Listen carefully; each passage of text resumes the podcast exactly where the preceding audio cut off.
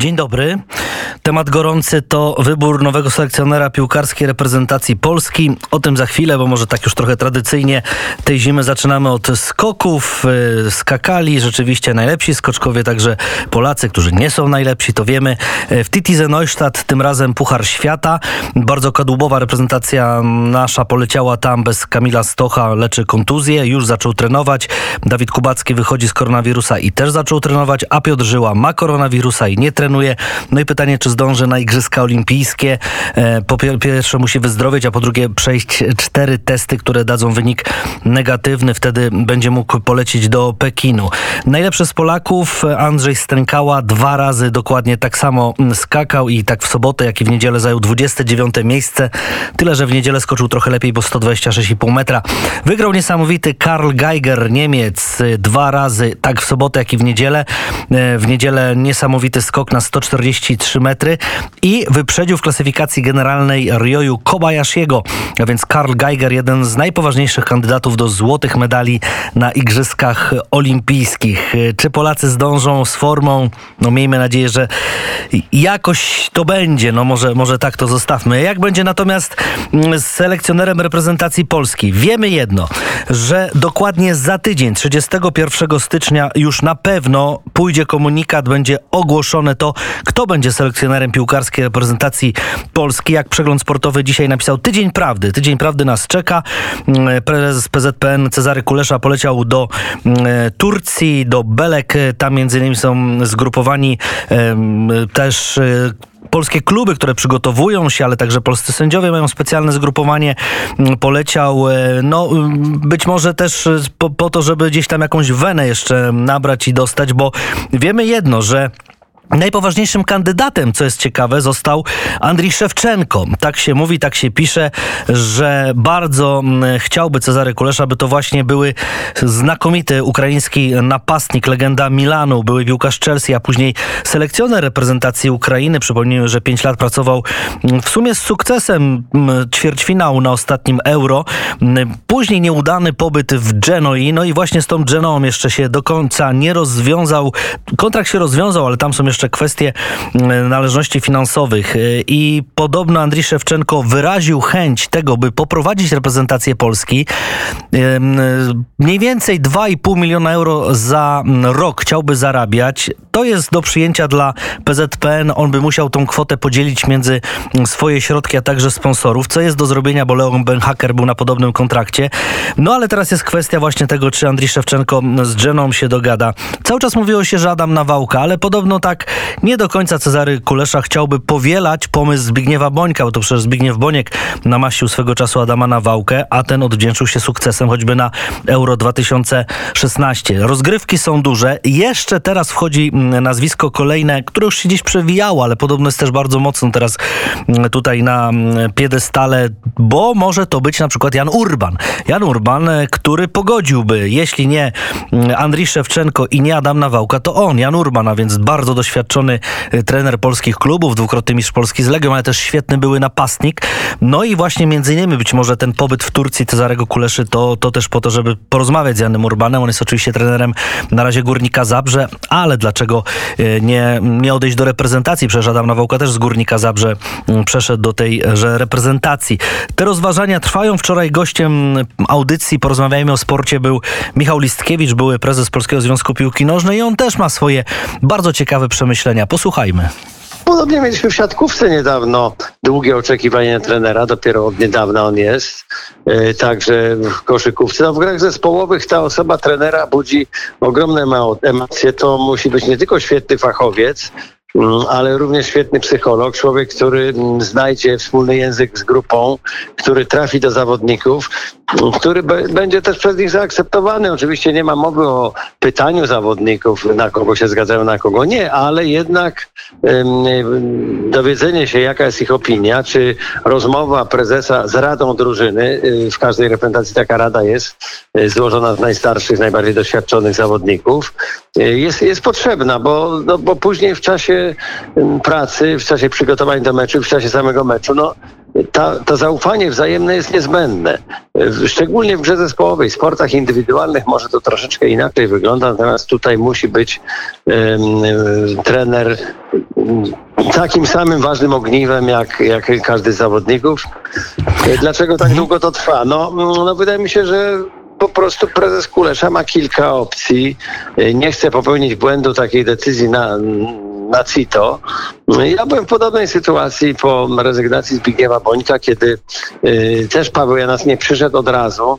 To trwało ładnych parę tygodni. Oczywiście tam były inne przyczyny, bo ja od razu byłem zdecydowany na Pawła. Tam chodziło o stan zdrowia, y, na który na szczęście się na tyle poprawił, że Paweł mógł tę drużynę przejąć i, i poradził sobie moim zdaniem bardzo dobrze.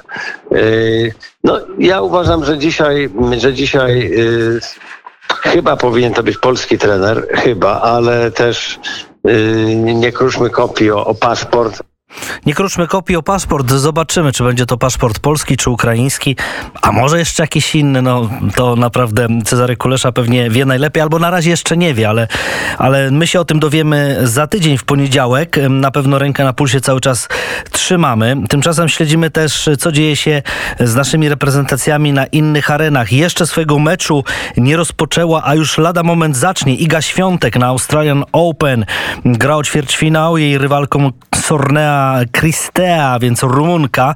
Ten mecz się opóźnia jego, jego rozpoczęcie, ale, ale to pewnie lada moment nastąpi. Miejmy nadzieję, że Iga Świątek no, jest w bardzo dobrej formie. Nawet są tacy, którzy twierdzą, że takiej samej formie, jaką miała na Roland Garros. Zobaczymy, nie zapeszajmy. Tymczasem polscy piłkarze ręczni wczoraj stoczyli niesamowity bój z Rosją na Mistrzostwach Europy, które odbywają się w Bratysławie. Był remis, zremisowaliśmy 29-29, mimo iż na sekundę przed końcem prowadziliśmy jedną bramką, ale wtedy dosłownie z połowy oddał rzut Siergiej Kosorotow, no i pokonał naszego bramkarza Mateusza Zembrzyckiego, a więc zremisowaliśmy. Tym samym już żegnamy się z Mistrzostwami Europy. Wcześniej przegraliśmy z Norwegią i ze Szwecją. Teraz jeszcze tylko mecz z Hiszpanią, to już taki na pożegnanie na, na do widzenia. Natomiast Norwegia pokonała Hiszpanię 27-23. Ciekawa sytuacja w tej grupie. Hiszpania cały czas prowadzi, ale, ale już ta zabawa bez udziału Polski, chociaż rzeczywiście w tym ostatnim meczu naprawdę zaprezentowaliśmy się bardzo dobrze, ale szkoda tego zwycięstwa. No, gdyby było to zwycięstwo jedną bramką, to jeszcze bylibyśmy w grze. Tak się nie stało. No taka też fala krytyki spadła na bramkarza Mateusza Zembrzyckiego, który mm, no nie obronił tego ostatniego rzutu z połowy. Gdzieś to zawsze obciąża bramkarza w piłce ręcznej. Aczkolwiek wczoraj rozmawialiśmy z byłym świetnym polskim bramkarzem Szymonem Ligarzewskim, byłym reprezentantem Polski, mistrzem Polski z Śląskiem Wrocław, Zagłębiem Lubin. I on bronił Mateusza Zembrzyckiego, który jednak grał cały mecz dobrze, nawet bardzo dobrze. No i posłuchajmy Szymona też, który obserwował i bardzo przeżywał mecz Polska Rosja. Mecz świetny dla kibiców. E, nareszcie zobaczyliśmy Polskę taką, jaką chcieliśmy widzieć. Tych chłopaków walczących, wiesz, po każdą piłę. E, mógł się podobać, tak? Po tych ostatnich naszych meczach, takich wysoko przegranych, gdzie, gdzie trochę zabrakło mi tej walki. No i niestety, no, bardzo przyk przykra końcówka, no, bardzo mi żal e, naszego bramkarza, bardzo mi żal, bo wiesz, no, zgrał niesamowite zawody, wszedł świetnie, no, no na takim procencie jeszcze nie widziałem, żeby ktoś w tych mistrzostwach grał, to, to było niewiarygodne. W ogóle miał świetne wejścia, za każdym razem, w każdym meczu, w którym wchodził, podbijał pierwsze piłki, a tutaj w dzisiejszym meczu wszedł, no i praktycznie po pierwszej połowie prawie 70% skutecznością, to jest niewiarygodne, chyba 67 bodajże procent skuteczności, to jest wręcz no, fenomenalne, tak, tak się nie broni, nie? Mówił Szymon Ligarzewski, a wie co mówi, świetnie bronił e, w piłce ręcznej swojej bramki. Natomiast w tej drugiej grupie też bardzo ciekawa sytuacja. No i tam czołowe drużyny to Dania i Islandia. Bardzo duża niespodzianka, bowiem Islandczycy pokonali faworyzowanych Francuzów. E, Iga Świątek jeszcze meczu nie rozpoczęła. Trzymamy rękę na pulsie. Na pewno też już więcej będziemy wiedzieli za godzinę, jak ten mecz się Idze układa. Tymczasem doniesienia e, z boisk piłkarskich, z tych najlepszych najlepszych lig tak naprawdę. A więc e, Krzysztof Piątek, no wreszcie chyba rozpoczyna się jego marsz po dobrą formę, a to jest dla nowego trenera reprezentacji Polski, kto by nim nie był, dobra wiadomość, bo Fiorentina, w której on zaczął grać, remisuje z Cagliari 1 do 1, on zagrał do 68 minuty i miał bardzo dobre recenzje. Ten mecz na ławce przesiedział Bartłomiej Drągowski. E, tymczasem Lens, w którym gra Przemysław Frankowski, reprezentant Polski, przegrał z Olympique Marsylia 0 do 2, ale niestety żadnego udziału w tym zwycięstwie nie miał Arkadiusz Milik, który cały mecz przesiedział na rezerwowych. No i podobno jest ostatnio krytykowany za swoją, umówmy się, słabą formę. Liga Włoska. Tutaj Napoli pokonało Salernitane 4 do 1. Piotr Zieliński jak zawsze e, dyspozycja dobra lub bardzo dobra. Tam taka ciekawostka, bo Lorenzo Insigne, a więc taka ta legenda współczesna Napoli strzelił 115 gola w swoich barwach, e, w swojej karierze dla Napoli. Tym samym zrównał się z Diego Maradoną, ale najlepszym strzelcem jest Diers Mertens, który też w tym meczu strzelał bramkę i ma na koncie 144 gole. Liga Hiszpańska, Deportivo Alaves przegrywa z Barceloną 0-1.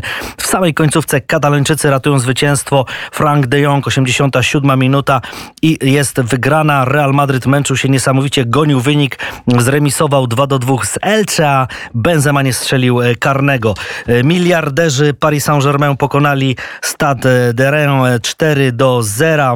Gola w tym meczu nie strzelił Messi, bo on leczy cały czas, patrzę na składy. Tak, tak, Messi cały czas jeszcze wychodzi z koronawirusa, pewnie już wyszedł, ale jeszcze chce dojść do dobrej formy.